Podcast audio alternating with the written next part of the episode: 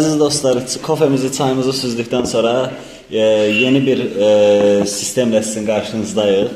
E, belə deyim, çox e, spontane oldu türklər demiş e, və hazırlıqsız başladıq. Necə girək bilmirik. Mənim adım Ərşaddır. Mən Qurban. Mən Sultan. E, bundan sonra babamın kuruğu başlığı ilə e, inşallah ki, uzun müddətli olmağını diləyirik. E, deməli, ümumi olaraq e, qarışıq mövzulara ətrafında danışacağıq. Başlayaq məsəl üçün Tahir Kərimli ilə. Tahir Kərimli e, gözəl bir Deyəndə ağlıma məsələn Əli Kərimli gəlir. Tahir Kərimlinin yeni açıqlaması e, ev verilsin və maşın verilsin kimi bir açıqlamada Kimə? bulunmuşdu Milli Məclisdə Kimə verəcəm ev maşını? Deputatlara. Deputata Hə. maşını. E, sayın e, xanımın adı yadımdan çıxdı. Çox üzr istəyirəm. Yəni siyasətə nə qədər uzaq oldu. Qafarov. Hə, xanım da buna kəskin etirazını bildirdi. E, məncə deputatların, yəni necə baxırsınız bu mövzuya? Mən ən sonda fikrimi bildirdim.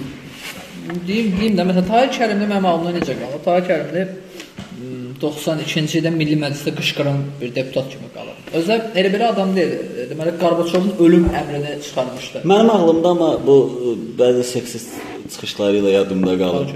Hə, e, bəs Azərbaycanda geylərə icazə olmasın filan nəsə belə bir açıqlaması olmuşdu. yəni belə bir çıxışı olmuşdu nəsə. Onunla ağlımda qalıb əslində yəni. Hə, məsələn 20 yanvardan sonra Qarbaçovun ölüm hökmünü çıxarmışdı o Ali Məhkəmənin sədri olanda. Oradan ağlımdadır, amma indiki açıqlamaları məsələn bundan əvvəl də o polisi döyəmdən deputat var idi. Onu müdafiə eləmişdi. Yəni belə normalda hər şeyə bir qarşı yanaşmır. Cəbhə iqtidarı olaraq qarşı, yapışarı olaraq qarşı, cəbhə hamıya qarşı bir nəsə qarşıcılıq var bu adamda.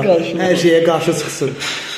Ya maraqlıdır. Yəni çox maraqlı bir personajdır əslində. Yəni çox maraqlı bir şəxsiyyətdir. E, gündəmimizi maraqlandırır. Yəni bu çıxış. 25 Yəni ildir yox. tutaq ki, maşın veriləcəksə nə maşını? E, 06 veriləcək. Yoxsa yəni bu müzakirə olunur. Nazlifan Azərbaycan istehsalı. Yəni də- Azamant ola bilər. Ya Asamot da həqiq- həqiqətən yəni bu 1 2 ay öncə, 3 ay öncə məsələn Ev məsələn harda verəcək, həyat evi veriləcək, bir ev veriləcək. Məsələn Akstafada ya da Qazaxda başın çıxır Azərbaycan çıxışında məsələn ev verilə bilər. Yəni bu müzakirədir də qəşəng söhbətlərdir. Gərək Qazaxda verirsə, gərək bir dənə də vertolyot ayrılsın. O milli məclisə gərək verilsin. Ya onda maşın söhbəti üstə bir də pist ayrılsın bunların düşməyi üçün. Onlar hamısı yəni Mən əvvəl dedim ki, niyə Milli Məclisin çıxışlarını televiziyada vermirlər? Sən bu kimi söhbətlərə görə verirlər. Ya valla belə deyim də çox maraqlıdır. Əslində ev Qazaxda verilsin, tutaq ki, ya oradan gəlib getməyə maşın yox, vertolyot lazım olur, Sultan demiş. Əslində Qazaxda ev verirsə, gəlir o deputatlar məsələn Gürcüstan parlamentində deputatlar. Ora daha yaxındır. Hə, bu məsəl üçün maşın da əslində belə deyim də bizim dövlət orqanlarından mən bildiyim qədərilə avtomatlar verilir. Amma belə bir şey deyilmi? Bu Qazaxda işləsələr, yəni evdən də qoşula bilərlər, yəni evdən də işləyə bilərlər və bununla bağlı ə, yəni nazirimiz var idi ki, hansı ki evdən işləyirdi və düzdür, sonu yaxşı olmadı, sonda yaxşı nəticə olmadı. Hə. Əslində başqa bu həftə maraqlı, yəni TL-nin yüksəlməyidir. Düzdür, mən işlədiyim yerdə hamı trend yolu artıq belə deyim də yüklənmiş vəziyyətdədirlər. Yəni bu əslində çox e, bədbəxt bir hadisədir. Yəni 11-ə qalxmağı dolların e, bir anda. Düzdür, axır vaxtlar hamı Bitcoin falan Türkiyədə biraz çox yayılıb, amma yəni e, və yaxud da altcoinlər falan çox yayılıb, amma ki, yəni ümumi olaraq e, çox böyük güman ki, yəni bu bu tempdən gedişat belə ola bilməz də. Bu gün maraqlı bir e, əslində şey çıxmışdı qarşıma. E, deməli Benin deyilən bir şəhər, Benin ölkədir, şəhərdir, səhv eləmirəmsə, oranın e, pul vahidinə qarşı %20 e, düşüş yaşayıb Türk lirası, yəni ya bu qədər düşüşün bir sonu olmalıdır yəni. Bu necəsə bu qarşılanmalıdır. Bildiyim qədərilə bu istehsalat falan da dayanıb o işdə. Yox, bunun Türkiyədə. tək çarəsi var ki, ən azından ilkin olaraq Mərkəz Bankının müstəqil olmasıdır. Çünki bütün dünyada hər ölkənin müstəqillik deyəndə yəni geyiminə qarışmasın. Yoxsa necə? Vada. yəni ma- maraqlı. Faiz mənim də düşünərəməsə bilərəm. qarış, qarışmasalar da Milli Bank sədrləri bəzən gedib məsələn ə, lazımsız bir yerdə Milli Bankın ə, necə deyirlər, filialını açmaq istəyirlər, hansı ki, ə, bununla bağlı böyük etirazlara səbəb olan bir şey olmuşdu, hansı ki, Ey! Şuşada Şuşada ə, Milli Bankın filialını Ya onun onun bağlı. cavabı bizə düşmür. Cənab prezident onun lazımlı Eynən, cavabını lazım verir. Yəni cavabını bizə bizə bizə o tərəfi düşmür. Bizə yumor hissəsi Tamam, düşür. belə deyək də. Akşam Fatih deyib ki, ailələrin dağılmasına 90% səbəbkar qadınlardır. Nə, gülləlirik qadınlar. Öldü səbəb. Doğrudan da əslində qadınlar olmasa ailə daxili problemlər də olmaz məntiq. Məncə bunu iki tərəfli yanaşma eləyək də. Burada yəni kişilər də olmazsa, yəni problem olmazsa ailə daxili. Yəni bu çox əslində bu bu nədən qaynaqlanır? Akşin Fatihin son dövrlər yəni e, bilirsən təxminən hardasa bir 6-7 aylıq bir e, TikTok incələmə bir şey var. Yəni bir girişimim var. Niyəsə bir maraq salmışam ora. E, yəni orada görürəm ki, adamın kifayət qədər qadın izləyicisi var, dinləyicisi var. Yəni çox maraqlıdır. Yəni bu tip yanaşması var və e, bu Bir də- rətimlər olmuşdu. Musiqi da şuna. Ya sonradan qayıtdı da deyir, Akşin Fatihin sözü hansı meyxanada demiş? Deyir, Akşin Fatihin sözü bitəndə meyxanaya tövbə edir. qorxuram ki, qorxuram ki, bu bu cür ə, siyasi və sosial mesajlar verməyə Akşin Fatihin növbəti millət vəkili seçimlərində öz necə deyirlər, öz üzvlüyünü irəli sürməyi ola bilər. Yəni bundan Meyxana demişəm, bomba bir mövzu açmaq istəyirəm. Mehman Əhməddir. ya Mehman Əhməd məncə bizi söhbətə çağıracaq. Özdən meyxana deyəndə Mehman Əhmədin yad yada düşməsi və ironikdir əslində. yəni Vüqar Biləcəri Allah rəhmət eləsin. Vüqar Biləcəri mənim sevdiyim meyxanaçılardan biri idi. Yəni Mehman Əhmədli hər meyxanada mütləq yad eləyirdi. Mənə əslində çox maraqlıdır. Mehman Əhməddə bu qəbul eləmək lazım. Mehman Əhmədi yaxşı meyxana deyə bilmir. Yəni bütün dünya onu bağlayıb falan. Amma yaxşı meyxanaçılar yetişdi. Və o məsələ maraqlıdır ki, o deyir Yox, deməzdim yaxşı meyxanaçılar yetişdirir. Məsəl üçün M- Mehdi Masallı var, o belə də. Vasif Əzimov məsələn müğənnidir. Yəni Elşan Xəzər, Oqtay Kamil. Bunların ikisində o yetişdirdi də. Nə Oqtay Kamilin yəni bir dənə Mamlum. Mamlum Atasan meyxanası yadda qalıb. Dəyişmə bir dövrlərin yaxşı Elşən Xəzər də yəni hamı işləyir, sən isə avara. Yəni bu bu yadda qalıb da yəni. Yox, başqası. O- da öldü. Baba bundan idi. Yox, yəni maraqlıdır. Şəxsən mənə onun bir varlığı maraqlıdır meyxanada. Kəramətlə arasında bir ara münaqişə yaranmışdı. Kəramət şair Kəramət Böyüçün, yazıçı Kəramət Böyüçün. Kəramət axırda gördü söz çatdıra bilmir, ona demişdi ki, mehmanxanasına. gördü ona söz çatdıra bilmir, dedi, e, mehman, meyxana çox mənasız bir şeydir, amma sən onu da deyə bilmirsən. Yox, onu bir ara verilişlərdə falan çox söhbətə çağırdılar. Yəni əslində söhbət yəni kəramət kimi söhbət anlayışı olmayan bir adamı yəni söhbətə çağırmaq əslində çox mən, mənə görə məntiqsiz bir şeydir. də. yəni niyə də yəni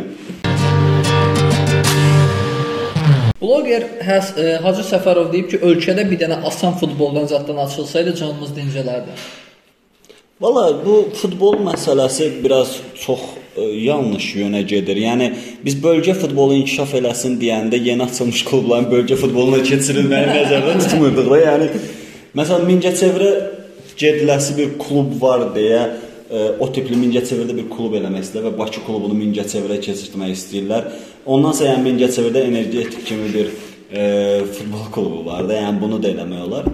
Ə, yəni tam olaraq yəni asan futbol ya da ya da nə, necəsə bir bunun həlli olmalıdır. Yəni bu yumoristik tərəfini artıq belə deyim də biz bunu yumora çevirmək istəyiriksə, yəni danışmağımıza ehtiyac yoxdur. Sadəcə televizor açırıq və yumor olur o. E, digər tərəfdən də yəni artıq deməklə dilimizdə türklər demiş, tük bitib. Artıq məncə nə bilim o qədər də ehtiyac yoxdur ona. Əslində Bakıda yeni yaranmış klublar deyəndə ki, yəni bu adamlar yeni yaranmış klublar deyil də daha köklü bir klubu yəni Şamaxı rayonuna Məsələn, daşımaq çox narahat eləm. Çox çox narahat elədi. Burada da yəni, masallıdan olduğunu Əlbəttə, əlbəttə Keşrə futbol klubunu bilirik ki, əvvəlki adı Inter Bakı idi və e, Inter Bakı e, yox, Inter Bakı Inter Bakı idi, ondan öncə də e, Qafqaz Universiteti idi, nə belə bir şey idi, yəni. Bu Nəsə bir o- nəsə, nəsə universitetin ən yaxşı futbol klublarından FETÖ-dən tutuldu, komandanın baş direktoru. Əslində bir dövrlərin yaxşı bir futbol klubu və Bakını təmsil edən bir futbol klublarından, yəni ön- öncəliklə biri idi, əlbəttə ki, e, Neftçi ilə bərabər E, və bu, bu klubu yox eləyib Şamaxıda el, e, yenidən yeni bir klub yaratmaq, yəni bir növ e, çox pis bir şey. Belə çıxır ki, biz 5 ildən sonra da Bakıda futbol klubu axtaracağıq ki, Bakının niyə futbol klubu yoxdur. Görək də xeyirlisi ilə, yəni inşallah o yollara düşmərik. Tezliklə bölgə futbolu inkişafı məsələsi. Fərdə Amin, aktyor Fərdə Amin deyib ki, özüm aktyor, yəni humorist Fərdə Amin deyib ki, başqa qadından sevgi görəndə dırdır olan evə getmək istəmir. Çox istəyirəm mövzuya girməmişdən öncə deyim, yəni sənin e, üzr istəyirəm ifadəmə görə, yəni bu niyə də üzr istəyirəm onu da bilmirəm. Sənin atan demişdi ki, hansı sənəti buraxır Hə, məsələsi. Fərdə Fərdə bir ara demişdi ki, mən bəs sənətdən gedirəm. Mənim də atam demiş ki, hansı sənətdən? yəni belə, yəni gəlmişdim ki, sənətə. Yəni bu Fərdanın biraz maraqlıdır o söhbətləri. Mövzu nədir? Çox üzr istəyirəm. Başqa qadından sevgi görəndə dırdır olan evə getmək istəmirsən. Mən bildiyim qədərilə Fərda evli deyil, yəni. Evli evli ikinci deyil. dəfə evlənmiş. Ha, onda bu həyatından razı deyil. nə, nə görə bilərsən ki, sən evə getmək istəməyəsən? Yəni maraqlıdır. Bu şey kimidir də. Məsələn, statusda kimsə kiməsə söz soxur, məsələn, incidiyini belə de, demir. Ancaq statusda, hə, WhatsApp statusunda kiməsə söz soxur. Fərdə də WhatsApp statusunda nəsə, hazır qəzetə müraciət edir WhatsApp statusu kimi. Amma belə bir şey də var da, indi Azərbaycanda məişətdə daha çox istifadə olunan bir söz olsa da saxladığı var. Kimsə Saxladığı var. kiminsə saxladığı var deyəndə Aha buradan da açıqla, açıqlama şok şok şok. O deməkdir ki, yəni ki bu adam artıq öz ailəsindən keçibdi, uje ikinci bir ailəni də saxlayır, dolandırır, saxladığı var. Yəni deyirsən o qədər qazanır da bu sistemdə. Yəqin ki o qədər qazanır da. Onda Allah saxlasın deyə. Allah üçüncüdən saxlasın. Ya Allah üçüncüdə əgər imkan varsa, yəni problem deyil. Mən çox korumacı bir Dinimiz də maşallah icazə verir. neçə 4-ə kimi idi, 5-ə kimi. 4-ə kim, limiti 4-ə kim qoyur? Sən bir ara dindar idin. Nə oldu? Yəni bu açıqlamalar yəni Açığı gördüm ki 5-ə icazə vermirlər. Yəni mən 5-dən o tərəfə dəydi. Xətrinə dəydi ona görə məcbur yəni. yəni. Nəsə Ankaranın havasından təsir. Hə, bu arada kiçik bir bildiriş kimi deyim, biz üçümüz də Ankarada Hacettepe Universitetinin tələbəsi olmuşuq və ev yoldaşı olmuşuq. E, belə bir konseptə başlamağımızın heç bir də dəxli yoxdur buna, amma yəni Dedi, amma niyə dediyini bilmirik. Hə, Ankaranın havası ona görə təsir eləyə bilər yəni. Bu arada Tural Abbaslı yoxa çıxıb. Yoxdur ortalıqda. Son son dəfə bu nəsə video paylaşmışdılar. Kimin ağzını təmizləyirdi orada. Nə- nəsə belə bir video idi. Yəqin ki təzə fətva görür. Yox, sonra çıxdı dedi ki, bəs nişanlımdır falan. Allah xoşbəxt eləsin. Yəni bunun heç yox. stomatoloqla şəkil paylaşıb stomatoloq. Ya, vi- video var idi orada. Nəsə stomatoloqun eləməli olduğu işi Tural edirdi. Yəni Tural bundan da devəsli ki, hamıya quzaq açıram mənasında da. Yəni otur öz işini gör də qardaşlar. Amma yəni vətəndaşa da xidmət eləyir də, yəni onu Ya da da də belə bir şey də Nə idi o, bir məsələn xanım var idi. Əməliyyatı da mən özüm eləyərəm. Ya bir də xanım var idi. Filankəs xanım, düz demirsiniz filan. Hə. Sevinç xanım. Hə, Sevinç xanım bu işi də mən görməliyəm filan da. Yəni hər işi özü qaçır yəni. Çox qəribədir. Son olaraq mövzu deyil, elə belə söz kimi deyirəm, görmə onun ətrafında fikrimi deyirəm ki, Elşad Xose e, Azərbaycan 90-cı illər, yəni rep başlamağında deyək də, başlamasında Kral Elşad Xosedir. Nə Hüseyn Dərya, nə Nağılbaz, nə başqası. Ya bir keçid dövrüdür deyərdim ona mən.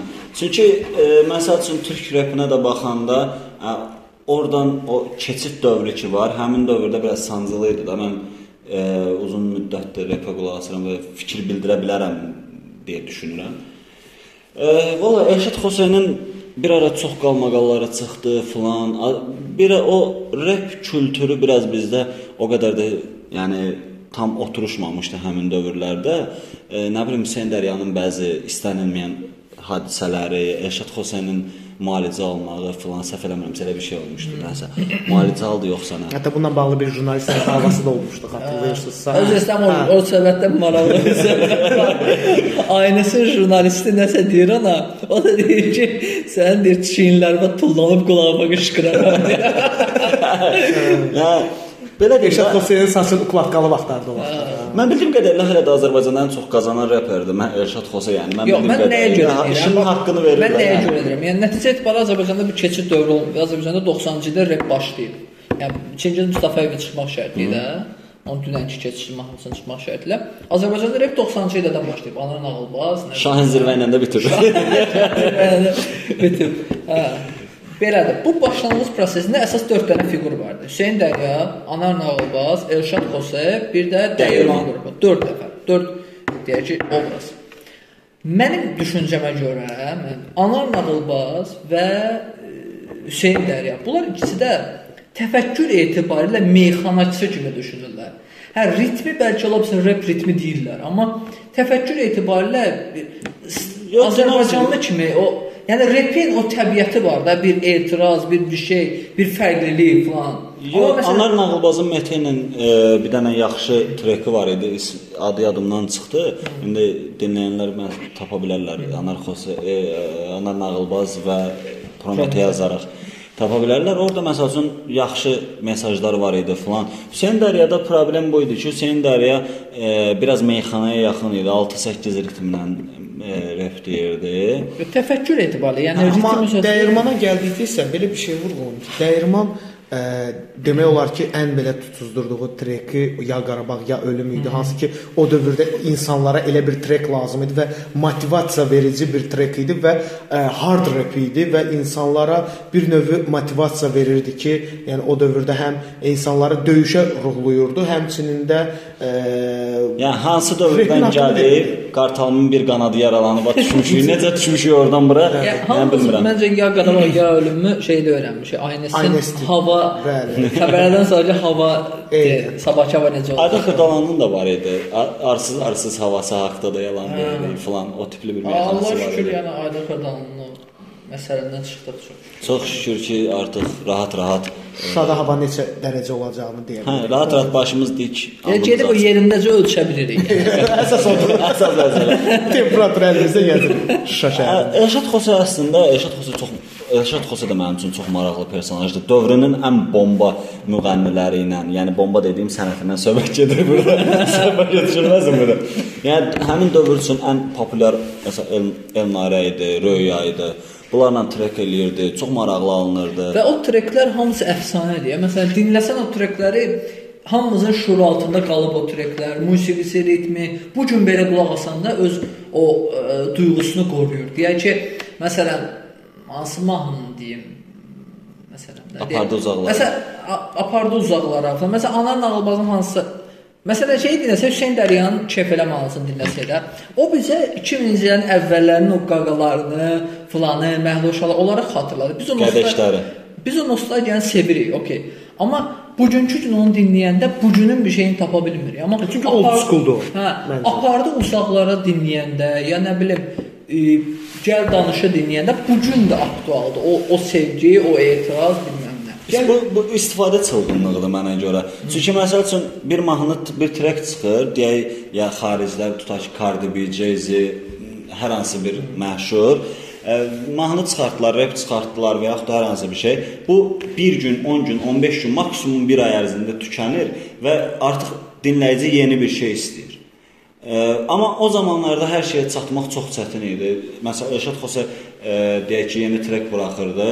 Hə gedirdi kaset, kiçik kasetlər, disk, yəni o zaman disklər belə yəni yeni-yeni çıxmağa başlayırdı. Hə kaseti alırsan, onu qulaq asacağın bir yer lazımdır. Ya da məsələn telefona o qədər o, o dövr üçün Azərbaycanda ən azından inkişaf eləməmişdi. Eksportdan mahnı göndərirdi. 1-2 mahnı maksimum yerləşirdi də. Yəni telefona. Sonra bluetooth gələndən sonra biraz daha belə inkişaf. Qulağından qan gələnə qədər dinləyirdim onu. Telefonları bir-birinə tərsinə çevirib qoyurdu ki, tez mənim getsin. telefonda, yəni bu günə qədər dinlədiyim ən çox dəfə dinlədiyim mahnı Coşqun Güləşin Qəmli Gözlər mahnısıdır. Mənim telefonda bir dənə o mahnı. Oradan da coşqun biləşə sal. o Coşqun Güləş özünə heyf eləyir. Çox istedadlı. Nəysə. Bir dənə o mahnıya yer var idi telefonda. O mahnı da bütün gün qulaq asırdım. Ora gedəndə qulaq asırdım. Mən naşündə ancaq onu dinləyirdim. Qəşəng mahnı dinləmək olar tövsiyə edirəm. Amma ə, sizə belə bir şey deyim. Baxın, ə, vaxt keçdikcə insanların gözləntiləri dəyişir. Necə ə, bir malı almırdınız, yəni alırdınsa, istəyirdinsə, ə, bugünkü gündə o mala ehtiyac duymursan, çünki ondan daha yaxşılarını gözləntilər, gözləntilərin var ha. Ə, O patının elmi adı amvitaminli nə belə bir şeydir də. Pərvin Abiyeva dedi ki, ona deyirmişlər patı çəkirsən falan. Deyir mən də o qədər səviyyəsi deyirəm ki, patı çəkmirəm. yəni deyib daha keyfiyyətli bir şey çəkə bilərəm.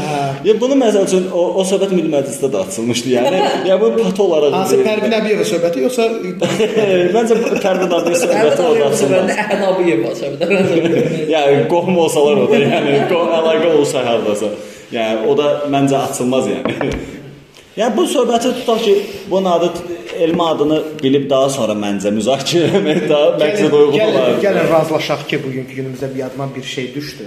Azərbaycan filmləri və Azərbaycan ə, serialları bugünkü gündə həqiqətən acınacaqlı bir dövrdədir və o adamlar ə, sponsordan sponsor tapmadan film çəkə bilmirlər. Çünki ssenari o qədər zəif olur ki, ə, yalnızca sponsorla nəsə bir iş görə bilirlər. Ə, amma ə, keçmişin ə, necə deyək, filmlərinə baxın, yenə də düzdür, keçmişə odaqlı danışırıq, amma gəlin ə, razılaşaq ki, o o vaxtın filmlərini, seriallarını nəzərə alsaq, məsələn, Qurtlar Vadisini nəzərdə götürək, düzdür, Azərbaycan olmasa da Türkiyədir və ə, hansısa bir dünya ölkəsində ə, kino ə, aktyoruna yaş tutulmasını və hər ildə o adamın anın ə, mərasiminin keçirildiyini mən elə indiyə kimi görməmişəm və görün adamlar nə dərəcədə aktyorluq sərgiləyiblər. Sən də burada deyirsən ki, Planet Paris Bakı qüdrəti öldürsün və biz ona yastırdaq. yəni. bəli, bəli və o da məlum yerdə baş verə bilər əlbəttə ki, ə, və məlum Hər kəs evini